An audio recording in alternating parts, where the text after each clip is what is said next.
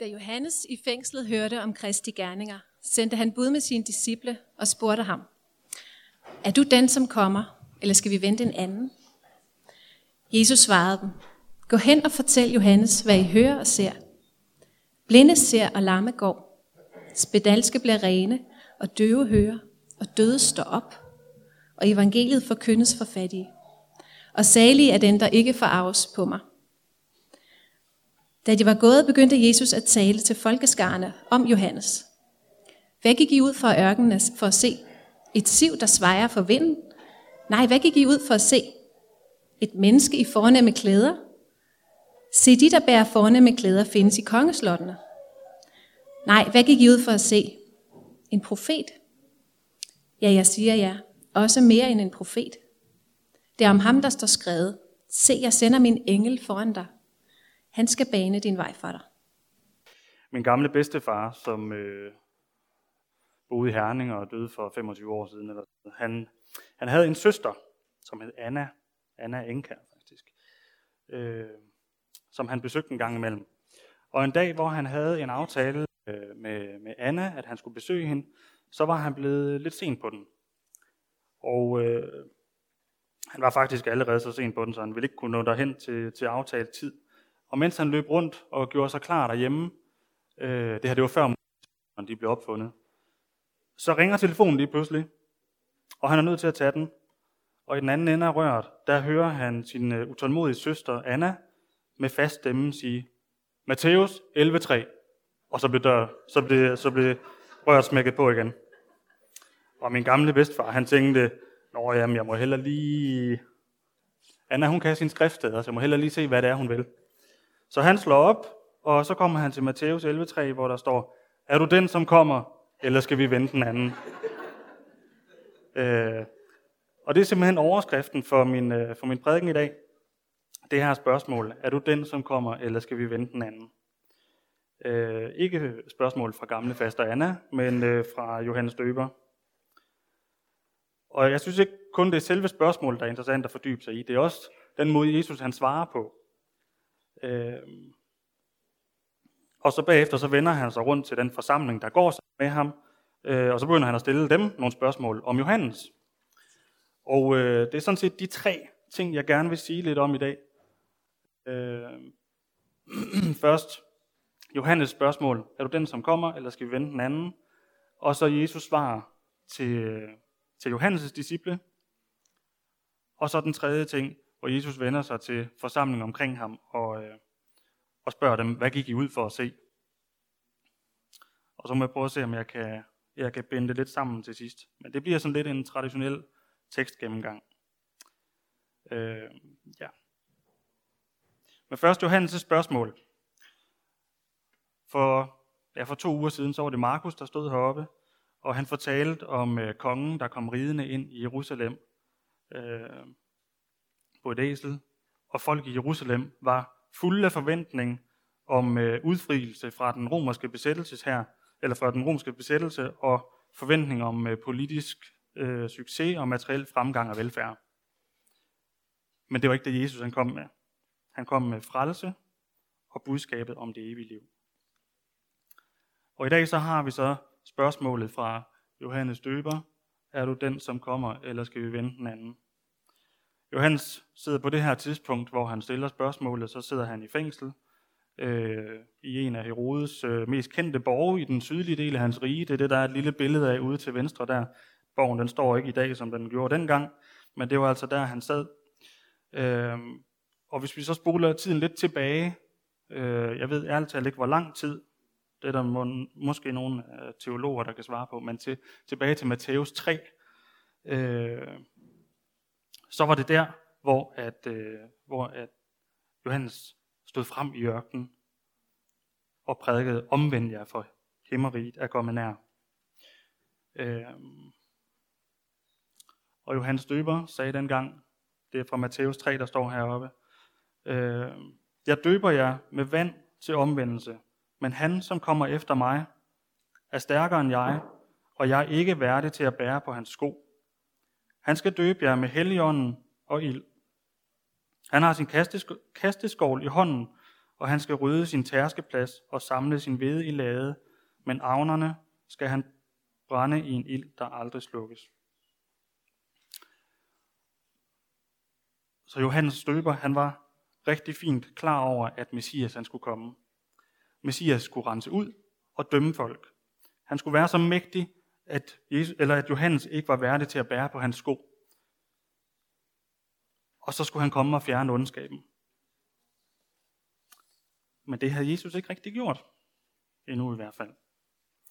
Han har gået lidt rundt og forkyndt og helbredt, men ikke den her dramatiske verdensdom, som Johannes havde prædiket om. Så hvis vi skal prøve at sætte os lidt i Johannes situation, så har han altså vidt sit liv til det her. Altså vi snakker ikke kun om søndagsskole og konfirmationsforberedelse. Vi snakker om en mand, som har levet sit liv for mindre end SU. Øh, der står, at han bare klæder af kamelhår og havde et læderbælte om livet. Og til med, at hans føde var græshopper og vildhånding. Og da drog Jerusalem og hele Judæa og hele Jordanegnen ud til ham, og de blev døbt af ham i Jordanfloden, i det de bekendte deres sønder, står der. Okay. Altså jeg vil kunne forstå, hvis så mange mennesker de tog ud for at se en mand i kameltøj, der spiser græshopper. Øh, men for at, blive, for at blive døbt og bekende sine sønder, så skal han altså kunne et eller andet. Øh, og det kommer jeg tilbage til i mit, i mit tredje punkt. Men først spørgsmålet. Prøv at forestille jer den her mand, som har videt sit liv til at, øh, at prædike om Jesus som Messias. Han er på vej. Måske har han været fuldstændig til grin. Det står der ikke noget om. Men han har levet et meget radikalt liv med det formål at bane Herrens vej. At prædike og døbe til omvendelse. Så vi læser om en Gud, der, har, der slår os alle sammen i sin prioritering af Jesus. Det er hans livsmission at være profet. Han får mennesker til at gøre sig klar til at tage imod Jesus. Jesus som Messias, Guds sidste og afgørende udsending. Og så kom på billedet her længst til højre, så kom Herren til Johannes og blev døbt af Johannes. Og hvad skete der så? Ingenting. Eller, jo, Johannes røg i fængsel. Øh, det var måske ikke lige det, han havde håbet på. Han røg i fængsel, fordi han, øh, havde, øh, han havde gjort, hvad han skulle. Han talte sandhed. Han kritiserede kongen for at lægge i med sin svigerinde. Johannes har sagt til kongen, at øh, han ikke måtte tage sin brors kone til hustru. Og så røg han i fængsel. Og så sidder han der og hører beretninger om Jesus, der går rundt og helbreder og forkynder evangeliet. Men der sker ikke rigtig noget af det her vilde noget, som, som Johannes har stået og profeteret om ude i ørkenen. Så det er vel naturligt nok, at han rejser spørgsmål over for Jesus. Er du den, der kommer, eller skal vi vente den anden? Som i, sker der snart noget? Jeg tror ikke kun, det handler om manglende tålmodighed hos Johannes. Måske er det i virkeligheden en dyb, dyb anfægtelse. Sig mig, har jeg levet mit liv fuldstændig forgæves? Tænk sig at løbe rundt i kameltøj og spise græshopper, og så sker der bare ingenting. Vi lever i en del af verden, hvor at, øh, det ikke har de store omkostninger at være en kristen. Vi bliver ikke fyret for at være kristne, vi bliver ikke forfulgt eller indskrænket i vores rettigheder, eller kastet i fængsel eller sendt på flugt, fordi vi tror på Gud. Ikke nu i hvert fald. Vi kan allerhøjst blive mobbet lidt, eller set lidt skævt til, fordi vi er kristne. Så på den måde, så har vi det jo rimelig godt. Men alligevel, så kan jeg da godt en gang imellem rammes af tanken, passer det her overhovedet? Nu er der gået 2.000 år. Altså, kommer han overhovedet igen? Er han den, der kommer, eller skal vi vente den anden? Det er snart 2.000 år siden, han steg til himmels for at gøre en bolig klar til de kristne. Så tænker jeg nogle gange, at han må snart være færdig. Jeg ved ikke, om I kan blive ramt af tvivl eller anfægtelse, men det kan jeg godt. Jeg kan huske øh, i menighedsbønden for et par uger siden, at Maja hun talte om det her med at skælde ud på Gud. At det kan vi gøre, og det må vi gøre. Øh, men vi må også spørge Jesus, når vi er i tvivl. Er du den, der kommer? Vi tror, men vi mærker det ikke altid lige meget. Nogle af os nærmest aldrig, eller i hvert fald meget sjældent. Vi kan have en oplevelse af, at Jesus er svag og inaktiv, og så er det nemt at falde fra og tænke, at så er han nok ikke den, der kommer. Nu læste jeg sidste weekend en artikel i Kristelig Dagblad øh, med overskriften, det er meget usandsynligt, at Jesus kaldte sig Guds søn. Her skriver Kasper Bro Larsen, en øh, lektor i øh, det nye testamente på Aarhus Universitet, at en nyere tendens i litteraturens verden er den såkaldte fanfiktion. Her videredigter læsere ud fra originale værker og skaber deres egne historier fra det samme univers med de samme figurer. Og ifølge Kasper Bro Larsen, så er den her nyere tendens øh, for fanfiktion, øh, den startede allerede i det første århundrede. Øh, det jeg mener jeg sarkastisk, men det er fordi, at han begrunder det med, at Jesus i det ældste af sine fire evangelier, nemlig Markus evangeliet, der kalder han sig ikke Guds søn. Men det gør han derimod hos Matthæus og Lukas, og til sidst hos Johannes. Øhm, så de sidste tre forfattere, de er altså en del af den her nyere øh, tendens for fanfiktion, øh, og skulle ifølge Kasper Bro Larsen have pyntet lidt på Jesus, fordi de synes det var en god idé, hvis Jesus lige tilskrev sig selv lidt guddommelig status. Og han underbygger det med, at, at øh, Jesus var jøde, og som jøde må han have ment, at jødernes Gud var den eneste Gud. Derfor er det meget usandsynligt, at han har gået rundt og kaldt sig Guds søn, sendt fra himlen. Og hvorfor har jeg det her med? Det har jeg, fordi da jeg læste det her, så tænkte jeg, hold da op mand, Kasper Bo Larsen, han har da noget til fælles med Johannes Døber i, øh, i dagens tekst. Han har glemt at læse Esajas. Eller måske rettere glemt, hvad der står i Esajas. Men det kommer jeg tilbage til lige om lidt. Men det kan være sådan nogle udtalelser her i moderne, øh, eller i, i medierne, i, selv i Kristi Dagblad, der kan være med til, i den her Guds forladte tid, at det, det kan være med til at tage modet fra os, og vi kommer i tvivl om, hvorvidt Jesus egentlig er den, han påstod. Så vi må gøre, som Johannes gør i dagens tekst. Vi må gå til Jesus med problemet. Vi, stiller, vi må stille ham spørgsmålet.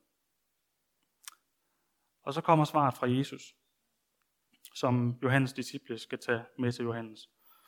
Og uden nogen sammenligning i øvrigt, så, øh, så fandt jeg det her citat, som jeg synes passer rigtig godt ind i situationen fra Star Wars 4, hvor at øh, Darth Vader udtaler, I find your lack of faith disturbing. Jeg finder din mangel på tro for uroligende. Jesus han begynder ikke at undskylde sig over for Johannes, som i, ah, men det er rigtigt, Johannes, det, det har trukket ud, øh, vi giver den gas nu her. Øh, og Jesus har heller ikke ligefrem forhindret, at Johannes røg i fængsel. Og var havnet i den situation. På trods af, at Johannes har gjort et kæmpestort stykke arbejde for Jesus. Jeg ved ikke, om I kender følelsen af, at man synes, man har gjort en stor indsats for Gud. Man har stået for et stort arrangement, eller givet en masse penge væk, eller missioneret for naboen. Og så, så tænker man, ah, jeg kunne godt, altså, jeg har da ret til at få lov at mærke bare en lille smule velsignelse fra Gud, på grund af mine egne gode gerninger. Det havde været rimeligt nok. En lille smule egoistisk. Øh. Men Jesus undskylder ikke. Han bliver heller ikke vred på Johannes og siger, nu må du simpelthen tage dig sammen, kære fætter. Altså, kan du ikke se ud over din egen næstip? Prøv nu lige at have lidt tålmodighed. Vi skal nok nå det. Nej, Jesus svarer Johannes' disciple. Gå hen og fortæl Johannes, hvad I hører, og hvad I ser. Blinde ser, og lamme går, spedalske bliver rene, og døve hører, døde står op, og evangeliet forkyndes for fattige.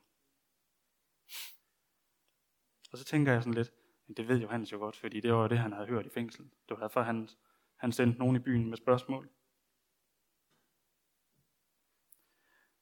Så der ligger altså en dybere forståelse, eller en eller anden slags nøgle til forståelsen i den her opremsning, Jesus kommer med. Blinde ser, lamme går, spedalske bliver rene og døve hører og døde står op, og evangeliet forkyndes for fattige. Med de her udsagn om helbredelse og forkyndelse, der henviser Jesus til en række undergærninger, øh, som vi også kan læse om i Matteus evangeliet.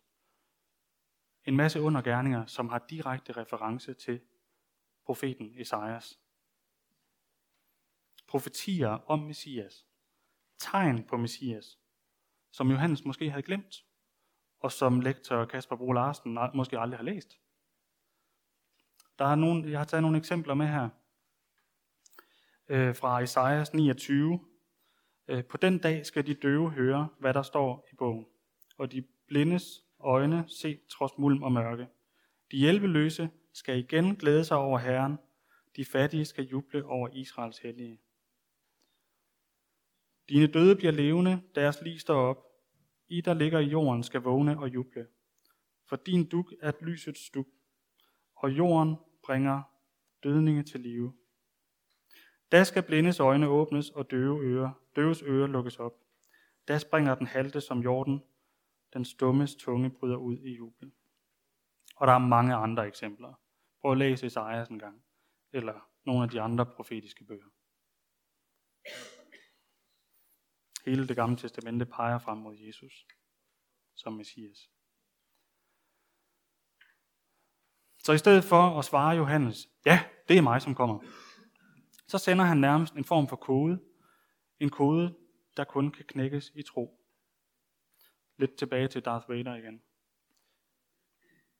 Og jeg har aldrig prøvet at have det sådan, at bare jeg kunne få Jesus at se lige nu, så ville det være meget nemmere for mig at tro. Giv mig et tegn, giv mig et eller andet. Men i stedet så bliver vi opfordret til at tro. Og Jesus fortæller, hvordan vi kan lære ham, om, lære ham at kende. Hvis det nu var i dag, vi havde spurgt ham, er du den, som kommer, eller skal vi vente den anden? Så vil han måske øh, igen appellere til det, vi kan se og høre. Mit ord lyder, mine handlinger ved dåb og nadver er i funktion, sådan som jeg har sagt, de skal være på den tid, hvor I lever. Se og hør der. Hør mit ord. Læs mit ord. Jeg var sådan lidt i krise over den her tekst, øh, da jeg skulle i gang med min prædikenforberedelse, så jeg spurgte ud i B-gruppen, øh, hvad jeg skulle bruge den til. Og jeg forklarede det her med, at Jesus henviser til Johannes, øh, eller henviser Johannes til at åbne øjnene og, og huske på skriften, altså på Esajas. Og så sagde Claus, jamen Michael, det er jo lige præcis din egen kæphest. Find svaret i ordet. For det er jo lige præcis det, Jesus vil have Johannes til.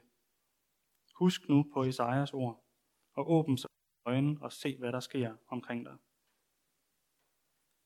På samme måde så har vi den her store tykke bog med 66 bøger i. Og i den her, der står der også, at et hvert skrift er indblæst af Gud og nyttigt til undervisning og til bevis, til vejledning, til opdragelse og retfærdighed, står i 2. Timotius 3.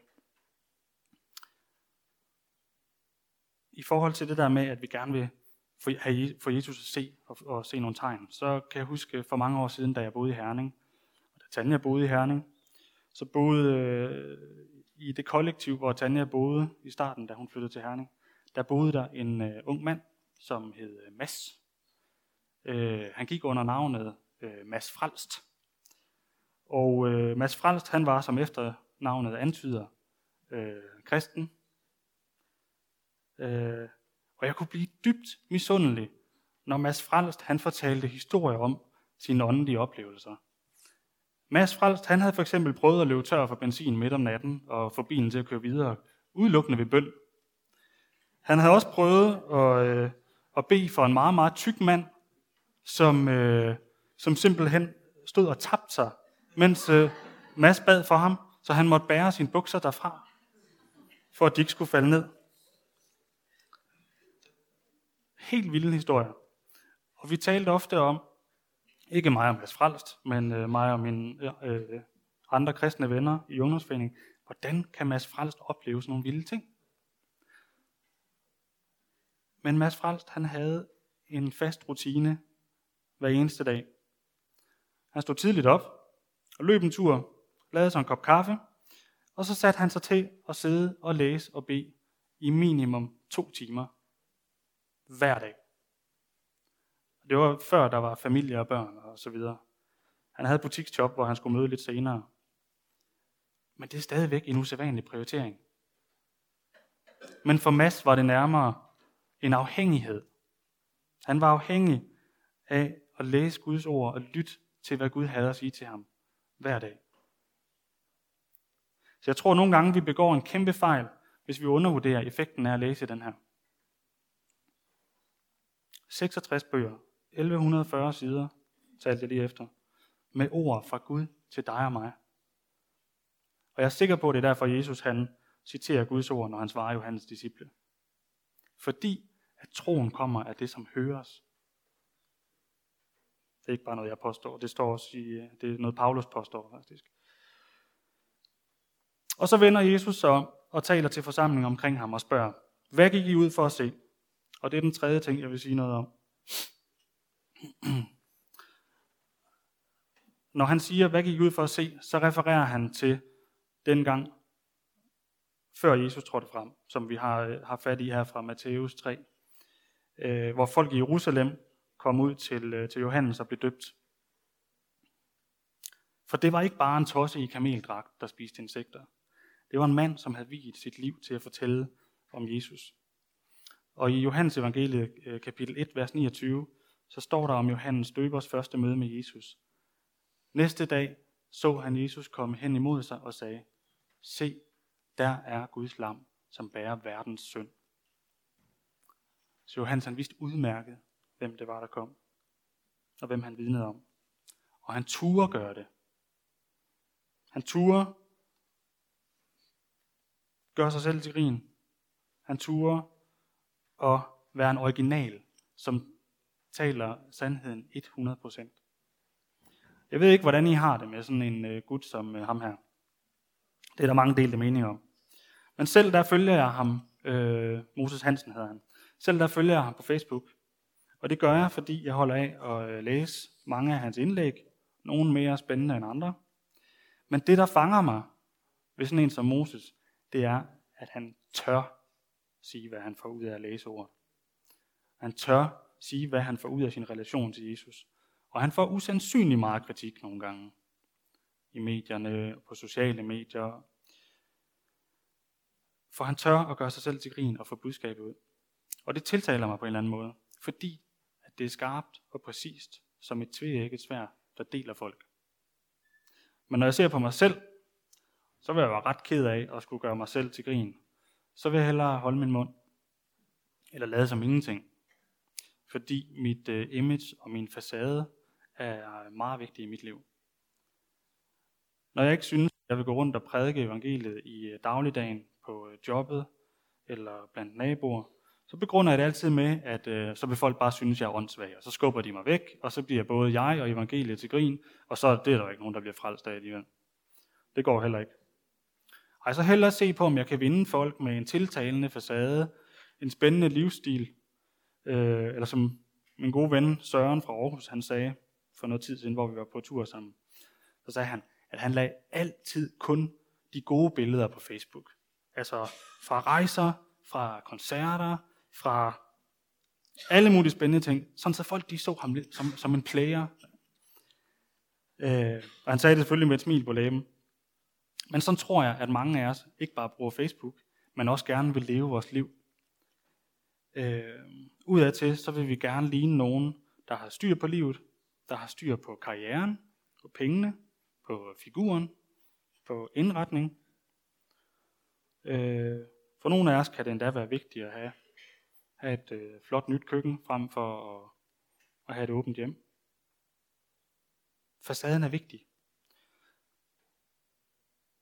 Og når det gælder udbredelsen af evangeliet, så håber vi måske mere på, at en flot, at en flot facade kan tiltrække andre mennesker, Og så kan evangeliet jo altid komme på banen, hvis det er, at, at øh, lejligheden den byder sig, uden det bliver for akavet. Problemet er bare, at det, bliver, det, det lægger for stort et pres på os, hvis vi skal præstere alle de ting for at få evangeliet ud, i stedet for bare at være dem, vi er. Og Moses Hansen, han skal ikke vinde nogen med en smart livsstil. Øh, han er fuldstændig ligeglad. Evangeliet skal ud. Mennesker skal advares om den forestående dom. Koste hvad det vil. Om de tror på det eller ej. Om de synes, Moses Hansen er tosset eller ej. Fordi Jesus siger, at den, der har ører, skal høre. Så vi må godt lægge ansvaret over til ham. Siger men det er dig, der skal sørge for, at folk de hører det, jeg siger. For den, der har ører, skal øre, skal høre. Og der vil evangeliet falde i god jord og spire og bære mange folk. Så det handler ikke om, hvor klog jeg er, eller hvor mange penge jeg tjener, eller om jeg overhovedet har et arbejde, eller hvor flot et hjem jeg har. Den, der har ører, skal høre evangeliet. Det er da super befriende. Så kan vi alle sammen være med. Det er ikke op til dig eller mig, om evangeliet siver ind, der hvor vi deler det.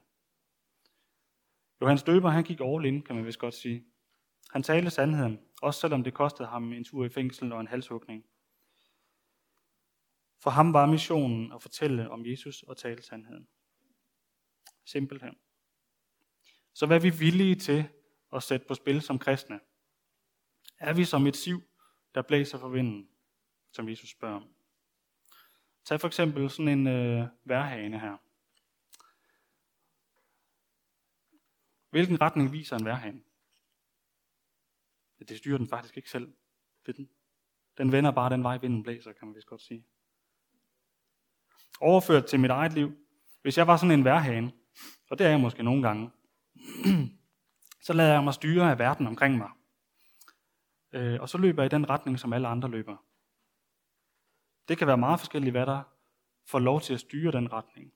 Det kan være øh, medier, det kan være mode, det kan være øh, holdninger i det offentlige rum, eller det kan være en øh, simpel dille, som øh, vi havde for halvandet års tid siden.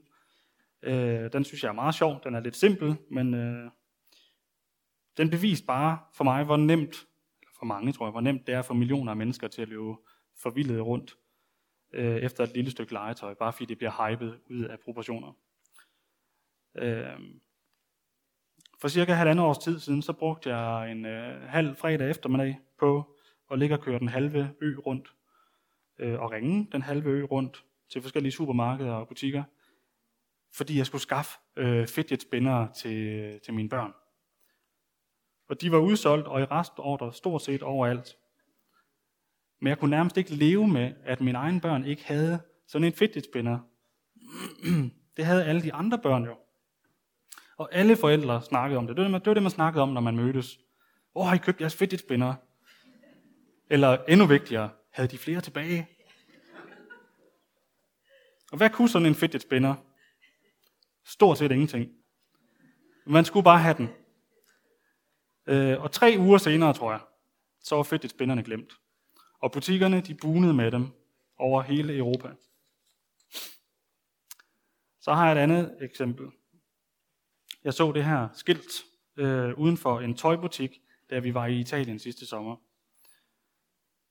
Der står, time to be stressed, depressed, but well dressed. Der er en sol, der skinner, og så står der, tid til at være stresset, deprimeret, men velklædt. Det her skilt, det gjorde rigtig stort indtryk på mig, fordi det var lige på det her tidspunkt i mit liv, hvor, øh, hvor jeg øh, havde det aller, aller værst. Øh, på den her ferie, der brød jeg sammen igen og igen, uden jeg egentlig vidste hvorfor. Øh, og det skulle jo være sådan, det skulle være ren nydelse, det skulle jo være super sommerferie til Italien, alting skulle være vellykket. Men jeg havde det bare rigtig, rigtig dårligt. Og først da jeg kom hjem, så måtte jeg sygemelde mig med depression. Men skiltet, det får mig til at tænke over, hvordan vi nogle gange er villige til at gå på kompromis med vores egen, øh, vores egen mentale velbefindende øh, for at nå vores mål. Skal hul i, om vi får stress eller depression? Bare jeg når min karrieremål. Eller bare mit hus, eller min bil, eller min påklædning, eller min dyre rejser, vidner om over for omverdenen, at jeg kan være med på samme niveau som alle andre. Stressed, depressed, but well dressed. Og derfor så vil jeg runde af med at sige lidt om det, at evangeliet forkyndes for fattige, som Jesus han siger.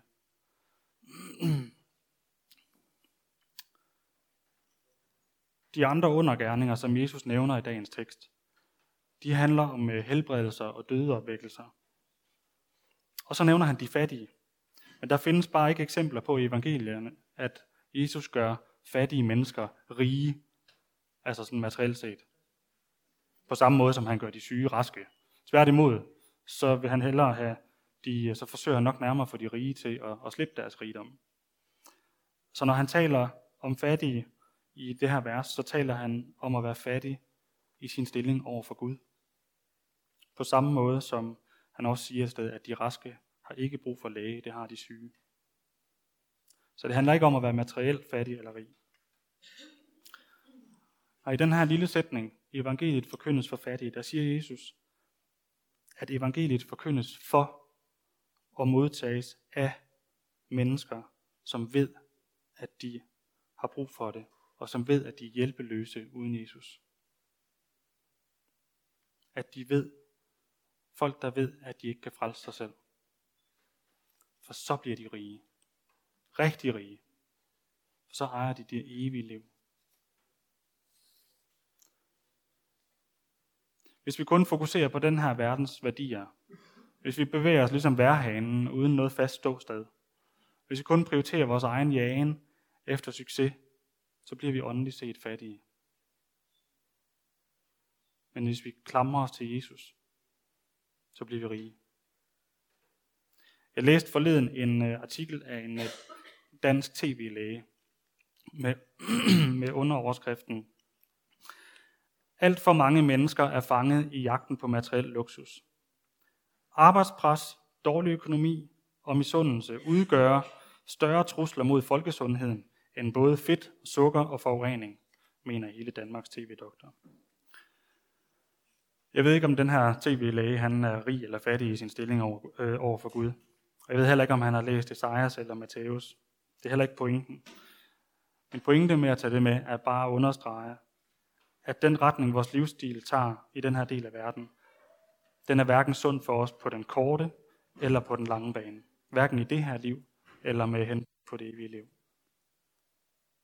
Vi har ligesom Johannes brug for, at Jesus han er den, han siger, han er. Han er vores frelser. Og vi kan lære rigtig meget om ham og af ham, når vi åbner vores Bibel. Og når vi kommer her til Guds tjeneste og hører ordet. For troen kommer af det, som høres. Og så kan vi lære, hvordan vi skal bruge det her liv. Så vi kan nyde det her liv, mens vi ser frem mod det evige liv. Som Jesus har lovet os. Fordi han er den, han er. Og det er det, der for mig gør julen til noget særligt.